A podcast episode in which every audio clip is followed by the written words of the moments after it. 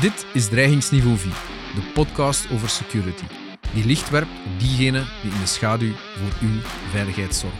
Mijn naam is Jannik de Smet, vroeger advocaat, nu actief in de private veiligheid en gepassioneerd door deze materie. Werner Koreman, een eminent expert in zaken corporate security.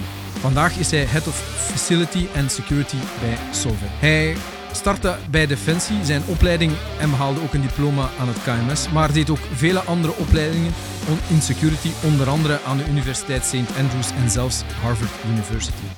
Professioneel begon hij bij Defensie, waar hij gedurende 20 jaar officier was.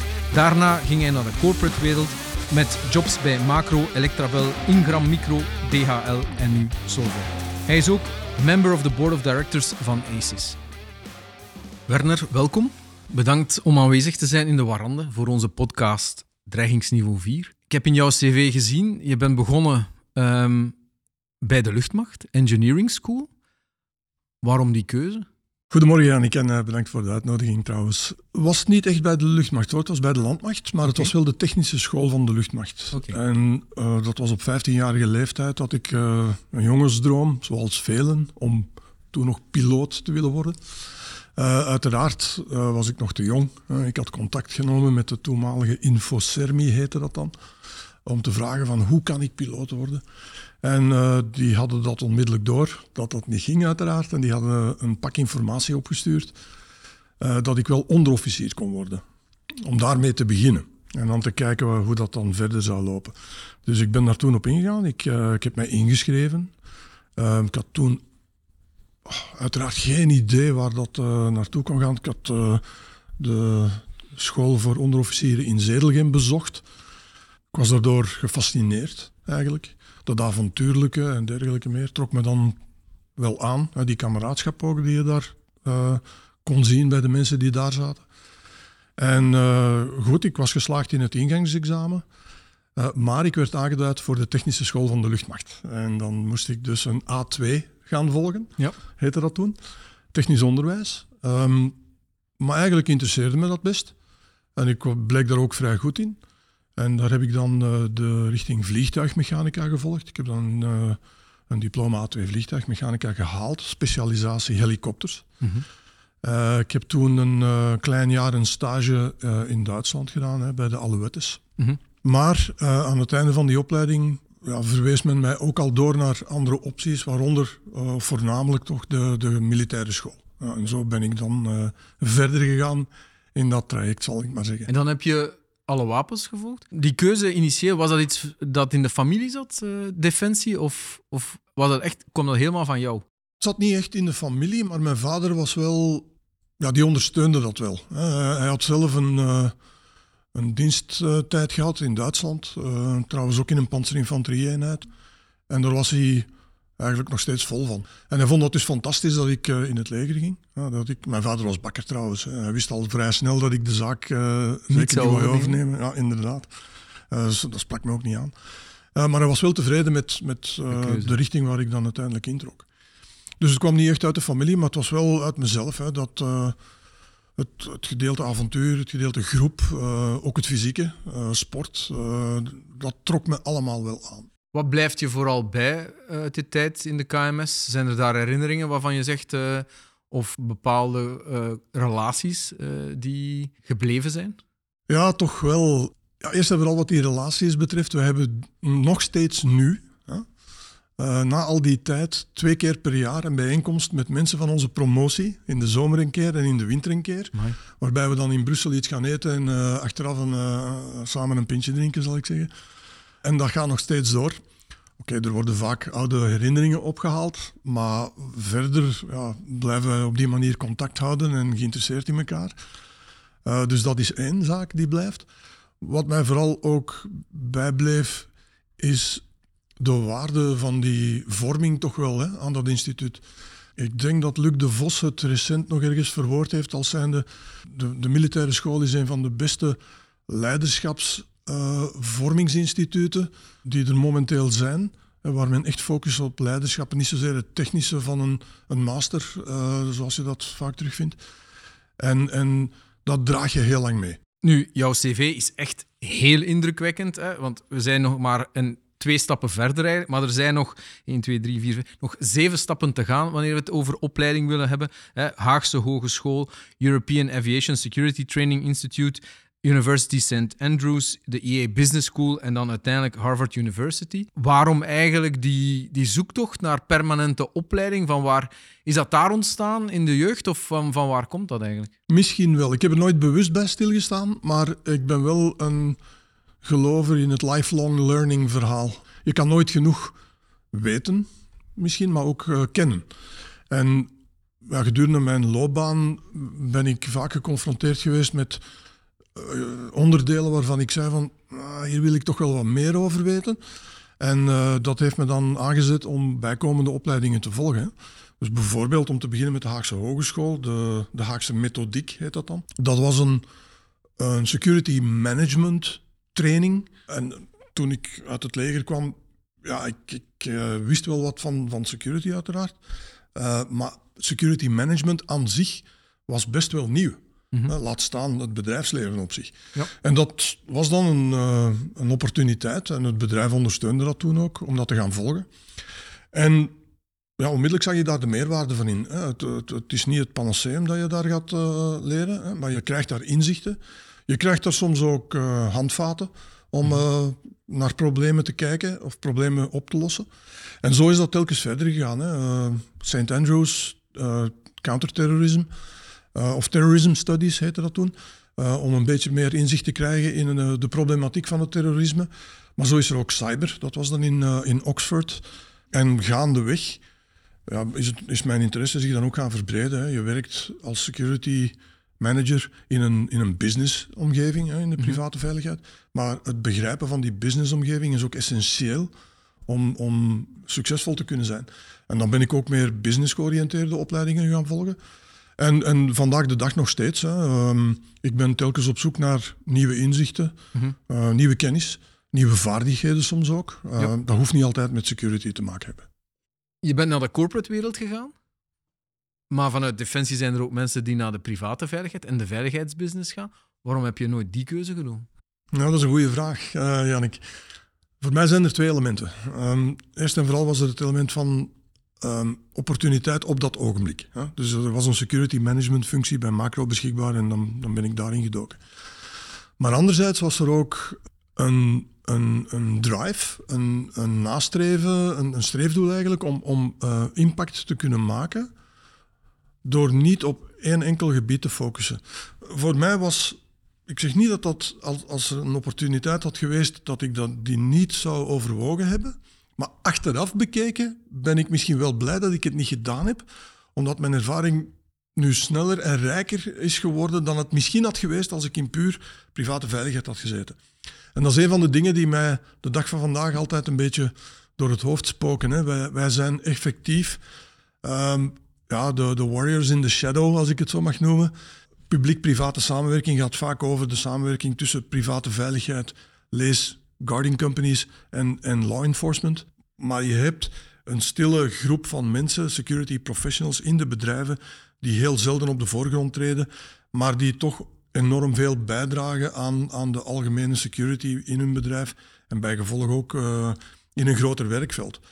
Als ik terugkijk is me dat duidelijker dan het mij duidelijker was, denk ik, op het ogenblik dat ik weer aan begonnen ben. Dat was gewoon een kwestie van opportuniteit en wat wilde ik doen. Electrabel en dan ga je langs Ingram Micro, langs DHL, om uiteindelijk nu de Head Facility and Security van Solvet te zijn. Uit wat bestaat jouw functie nu? In de brede zin. Dat is ook maar vrij recent. Vandaag de dag heb ik dus die twee luiken. Real estate en facilities is één luik. Daar is een link met security uiteraard, hè, want uh, in elk, uh, op elke site heb je uh, een, een, minimaal niveau aan beveiliging wat nodig is. het zij fysiek, het zij cyberwise. En daar zie je dan de samenwerking. En dan heb je het security-luik. Mm -hmm. Dus de Chief Information Security Officer momenteel rapporteert aan mij. Die heeft dan een klein team waarmee uh, cybergovernance en cybersecurity wordt aangestuurd. Het gedeelte operaties zit bij IT. Opnieuw een netwerk. En dan heb ik de verantwoordelijke voor physical security en voor uh, people security, uh, die ook nog in mijn team zitten. En dan heb je de drie categorieën van uh, ja, assets, mm -hmm. die op die manier qua beveiliging worden aangestuurd. Oké. Nu we toch op dat onderwerp zijn, Allee, eerst onmiddellijk kwam er bij mij wel een vraag op. Wat is het verschil tussen dan people security en physical security? Want physical security is die er niet om de people in de vastgoed te gaan beschermen. Waarom dat onderscheid eigenlijk? Um, bij people security ligt het accent voornamelijk op um, het beschermen van mensen in beweging, zal ik het zo maar noemen. Hè? Ah, Reizigers, maar soms ook expats. Um, het is uiteraard nooit volledig gescheiden van het fysieke luik. Maar je kan moeilijk met een, een fysiek beveiligingsplan afkomen voor iemand die de taal eens neemt. Hè. Uh, je, je, hebt daarom over die omgeving heel weinig tot geen controle. Daar gaat het meer om um, voorafgaandelijke analyse, uh, risicoanalyse, dreigingsanalyse, het aanreiken van awareness, uh, vooral bewustzijn, veiligheidsbewustzijn bij de reiziger. En vooral als die naar gebieden gaan, hoogrisicogebieden. En ja, dat kan gaan over uh, Pakistan, over een Syrië, noem maar op. op dit ogenblik hebben we regelmatig mensen die naar de Democratische Republiek Congo gaan, naar de mijnzones. Daar is het ook niet al te veilig. dus dat, is, dat focust zich voornamelijk daarop. Fysieke beveiliging is eerder ja, het, wat meer traditionele, de, de, de fysieke perimeterbeveiliging, uh, de camera's, de toegangscontrole en dergelijke van de installaties. Die ook tot doel heeft om personen te beschermen, maar ook andere bedrijfsmiddelen. Het is interessant ook om opnieuw dan in de andere richting weer te gaan. Je zei er is IT, de cybersecurity, information security en uh, de physical security. Hoe zie jij die verhouding? We, we horen alsmaar meer dat er bijna complete convergentie is, omdat de IT zo goed beschermd wordt dat er vaak nood is aan een inbreuk op de physical security om de uh, netwerken te kunnen betreden. Dus iemand ja, social engineert, iemand om, om een bepaalde code te, te, te verraden. Of iemand moet in een bepaald gebouw binnengeraken om eigenlijk zichzelf in te pluggen in een netwerk. Dus die convergentie horen we alsmaar. Hoe staan jullie daar tegenover en hebben, jij, hebben jullie daar specifiek een plan voor? Ja, inderdaad. Ehm, het, het, verhaal wordt anders wanneer je vanuit de dreiging kijkt, hè? De, de threat agent. Want die, die maalt er niet om of dat hij een, een cyberaanval moet doen, of een, of een physical aanval, of een combinatie van beide. Die heeft gewoon een doel voor ogen en die wil dat doel bereiken. Eender welke middelen hij daarvoor moet inzetten. Tuurlijk zijn er groepen die specialiteiten hebben daarin, hè, net als aan de kant van de verdediging zal ik dat maar zeggen. Mhm. Maar die bekijken het dus zo. En wanneer je vanuit dezelfde invalshoek naar je beveiligingsprobleem kijkt, dan vervagen die lijnen wel. Het is inderdaad terecht wat je zegt. Hè. Eh, je kan via een fysieke manier uh, inbreken in de digitale omgeving. Vaak is dat ook de gemakkelijkste manier, helaas. Uh, terwijl het langs de pure digitale manier niet altijd even makkelijk is, maar ook omgekeerd. Um, je kan vaak via de digitale manier fysieke beveiligingssystemen omzeilen. Mm -hmm. Dus dat is echt de, de meest opportunistische weg die wordt genomen. En als je dat zo bekijkt, dan, dan weet je dat je de beide moet combineren. Ze zijn complementair en ze zijn voor beiden een conditio sine qua non. Vandaar dat je ook bij cybersecurity frameworks altijd een luik fysieke beveiliging hebt. Mhm. dat je, terwijl je bij physical security frameworks nu ook niet meer zonder digitale beveiligingsluiken kan. Ja, dus die, ze staan nooit meer los van elkaar. En is, is jullie governance daar dan op aange, aangesloten? Allee. Ja, wij vertrekken eigenlijk vanuit een security risicobenadering. En ongeacht in welk domein die zich afspeelt. Want mhm. wat we vaak merken is dat we spreken nu wel over people security en physical en cyber.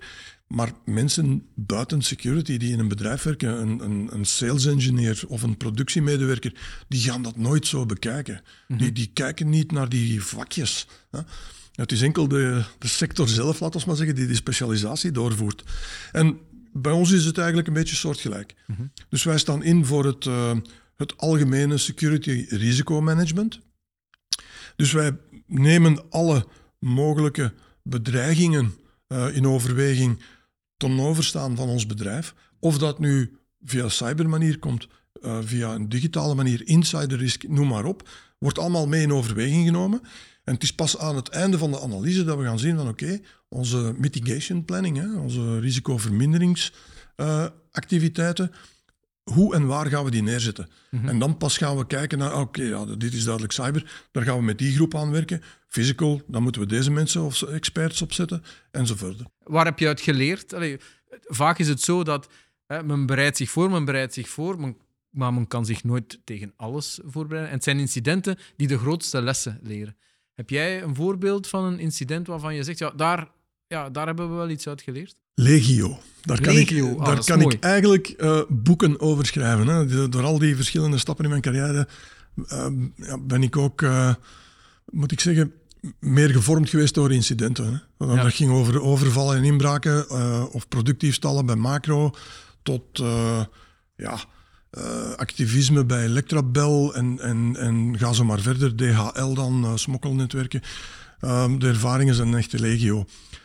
En, en wat je dus inderdaad ziet, is dat incidenten vaak elementen zijn die de naald verplaatsen. Hè? Mhm. Eh, van, van, van rood naar oranje of, of lichtgroen, omdat men daar toch meer en meer gevoelig aan is geworden. Een incident vroeger had men iets van, ja, dat is normaal. dat gebeurt in elk bedrijf. Zolang als de schade niet al te groot is, gaan we rustig verder doen zoals we bezig waren. We gaan misschien hier en daar eh, een nieuw slot zetten of, of uh, misschien een keer een paswoord veranderen. Terwijl de dag van vandaag de impact uh, veel groter is.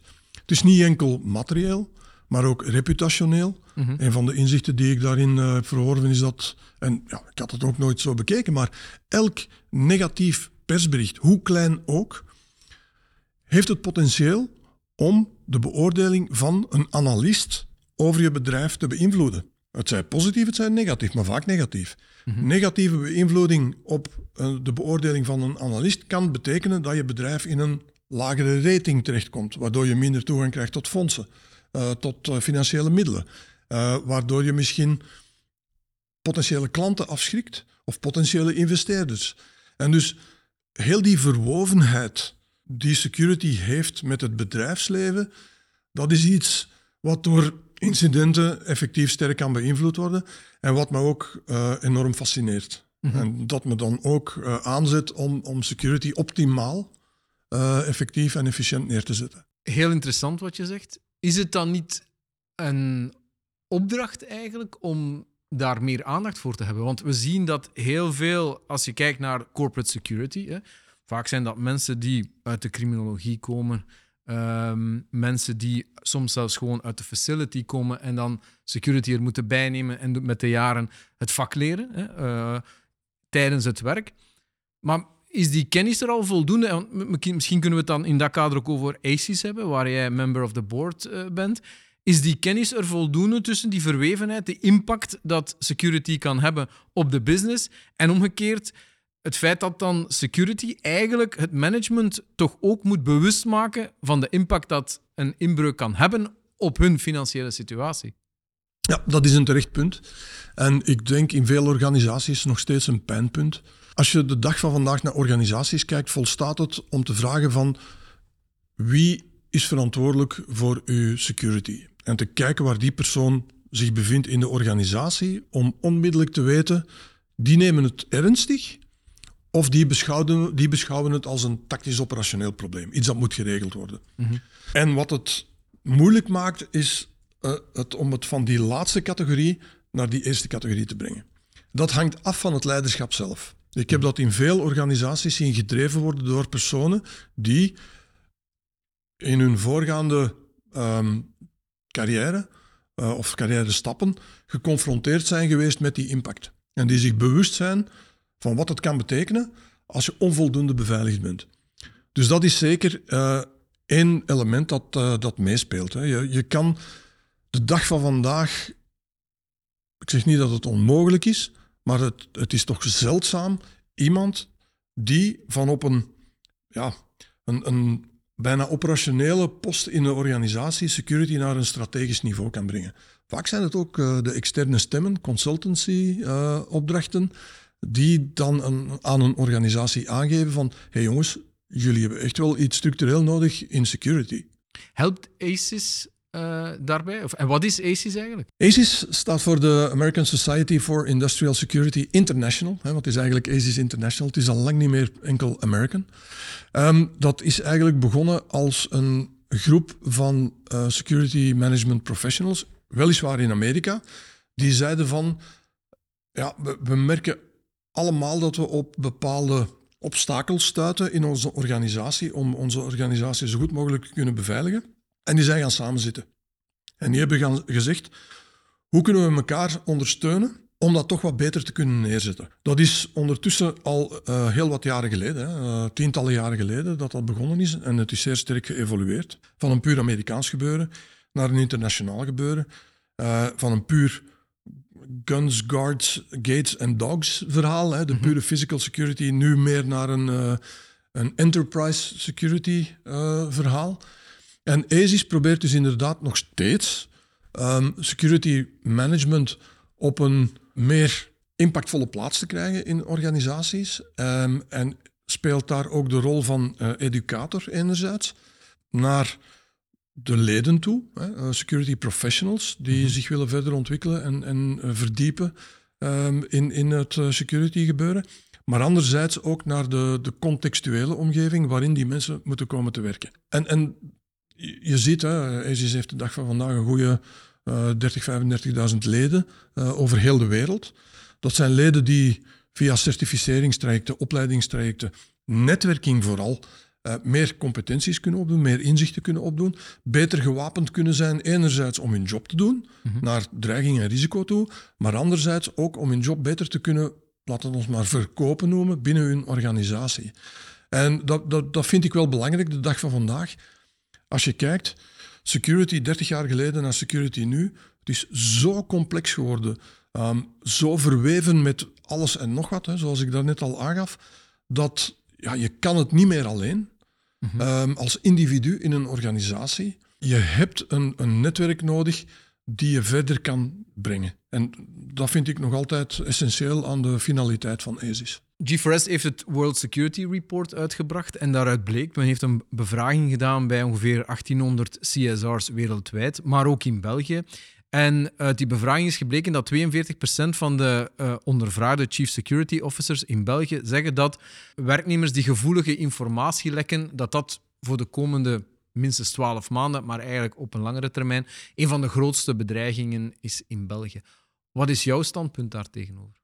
Maar het is zeker een, een, een, risico dat op de radar staat. Laat dat duidelijk zijn. Uh, is het nieuw? Nee. Ik denk dat het al een aantal jaren een van de prioriteitsrisico is.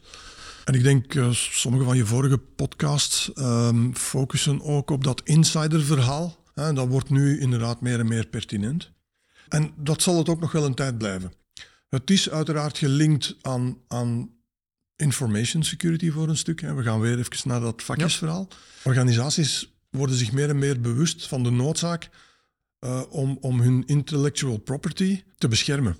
En hoe, hoe gevoelig en kwetsbaar die informatie soms is.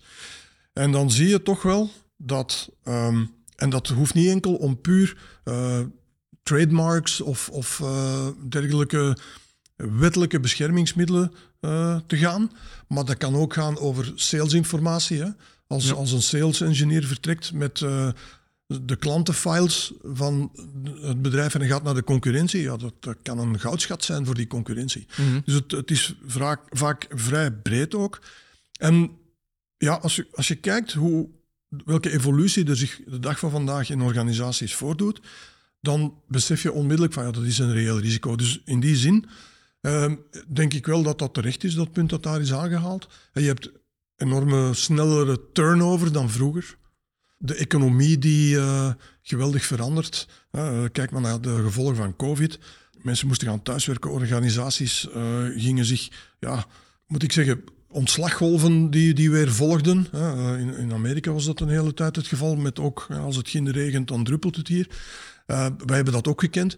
En in die omgeving, mensen zoeken naar zekerheid, zoeken naar de optimale kansen om ja, hun eigen leven te verbeteren. En helaas zijn er sommigen bij die dan vinden dat ze bij hun werkgever kennis moeten weghalen om daar ergens anders mee aan de slag te gaan. Is, is er iets dat jullie specifiek doen? Uh, waar let jij vooral? Zijn er dingen waar jullie op letten? Jazeker. Um, ik, ik kan niet alle details meegeven, maar vanzelfsprekend, um, het, het, laat het duidelijk zijn dat opnieuw vanuit een dreigingsverhaal uh, ons beveiligingsverhaal komt.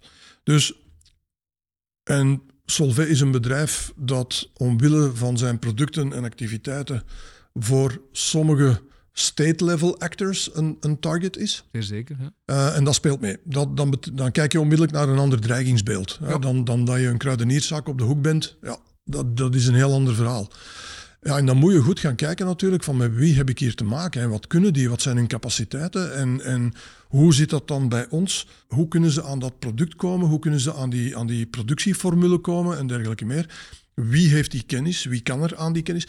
Ja, en bij gevolg ga je ja, meer transversale beveiligingsmiddelen neerzetten. Dat gaat dan over die combinatie waar we eerder over spraken, cyber, physical, uh, maar ook personeel zit je dan met vetting, uh, background checks, uh, dat is ook maar een van de onderdelen, monitoring. Um, en, enzovoort enzovoort. Dus de, de complexiteit verhoogt dan. We komen stil aan het einde van onze podcast. En zoals gewoonlijk hebben we een, uh, een, een, drietal vragen die overblijven. Een eerste vraag die steeds opnieuw terugkomt is... Zijn er mensen die jij bijzonder wil beveiligen? Zijn er mensen waar, of groepen of organisaties waar jij je, je kennis, je ervaring, die heel breed is en heel groot is, uh, liefst inzet uh, om ze te beveiligen? Dat is een, uh, een goede vraag. ik, ik, uh, ik was er al een beetje bang voor voor het einde van deze podcast. Want ik heb er echt wel goed over nagedacht. En eigenlijk heb ik altijd wel een, een sterk gevoel gehad voor de bescherming van de, de zwakkeren. Um, hoe je dat woord zwakker ook wil gebruiken. Hè. Het kan gaan over de zwakkeren in de maatschappij. Het kan gaan over de bedrijven die hard moeten vechten om hun plaatsje op de markt te veroveren en, en er iets van te maken. KMO's ook vaak. Mm -hmm. Dus de, het, vind iedereen heeft recht op security. Uh, aan sommigen uh, wordt dat recht momenteel helaas ontzegd door de omstandigheden. Mm -hmm. uh, en, en mijn hart gaat vooral uit naar die mensen, die groepen die daar minder toegang toe hebben. Dat is iets wat mij vandaag de dag toch nog altijd kan inspireren, motiveren om, om ja, die mensen te helpen. En je weet, hè, je verwacht het al, het omgekeerde. Zijn er groepen, organisaties, mensen waarvan je zegt, kijk, daar zal ik nooit voor veiligheid zorgen? Ja, daar, draait het voor mij hoofdzakelijk om het begrip integriteit. Ja, um, iets of iemand, of een bedrijf of, of een persoon die iets doet wat tegen mijn persoonlijke waarden indruist en integriteit staat erbij bovenaan, ja, daar zal ik nooit mee door dezelfde deur kunnen. En vanuit die optiek kan ik mijn antwoord dan ook situeren. En, en toen ik uh, daarover nadacht, kwam mij vaak het beeld binnen van hetgeen dat je in Amerikaanse films soms ziet. Hè. De head of security, die dan werkt voor een malafide uh, CEO of organisatie en die dan doet whatever it takes om ja, de belangen van die CEO of dat bedrijf te, te beveiligen. Dat is een van mijn grootste nachtmerries ook trouwens, dat ik ooit in zo'n situatie zou terechtkomen. Om, om, dan, dan houdt voor mij het verhaal onmiddellijk op. Oké, dus een gebrek aan integriteit is een no-go voor jou. Finaal, heb je nog een tip? Misschien een tip voor toekomstige corporate security managers, eh, of die het nu reeds zijn en die willen groeien. Jij hebt al die jaren ervaring in die grote ondernemingen. Je sprak al over um, een mentor. Eh. Ik denk dat dat inderdaad een belangrijke is om uh, carrière-evolutie te maken. Maar zijn er nog andere tips die je hebt? Ik denk voor een, een security professional de dag van vandaag is uh, de gouden regel nummer één is uh, wees en blijf nieuwsgierig.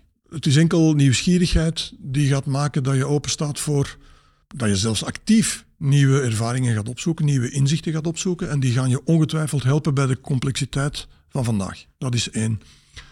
Twee, en dat is dan aan diegenen die uh, security professionals uh, te werk stellen, laat ons maar zeggen, is uh, luister met een open vizier, met een open mind. Uh, als je een, een een efficiënte en effectieve security professional voor je hebt, dan gaat hij, dan gaat hij je dingen vertellen die, die steek houden uh, en waar je voor moet openstaan om dat ook mee te nemen in je onderneming. En de goede professional zal dat ook eigenlijk nooit uh, exploiteren. Hè? Mm-hmm. uh, maar die gaat ervoor zorgen dat wat hij of zij neerzet, hetgene is wat jouw bedrijf eigenlijk nodig heeft. Dus die twee tips die vind ik essentieel. Drie is inderdaad um, ja, zoek, een mentor, zoek een sponsor. Ik denk de dag van vandaag heb je niet zozeer mensen nodig die je zeggen wat je moet doen, maar mensen die proberen om jezelf te laten ontdekken wat voor jou het beste werkt in de omgeving waarin je zit. En in, in mijn geval ook. Hè, als ik mezelf 30 jaar geleden, ehm, of 22 jaar geleden, toen ik aan uh, mijn carrière in de privé begon, hoe ik toen naar security keek, hoe ik nu naar security kijk, is volledig beïnvloed door, hoe moet ik het noemen, uh, vuurtorens. Uh, mensen die, die inzichten bijbrachten over heel dat traject. Werner, het was een bijzonder aangenaam gesprek. Heel erg bedankt. En uh, fijn dat je naar deze aflevering van Dreigingsniveau 4 luisterde. Deze podcast wordt gesponsord door GeForce.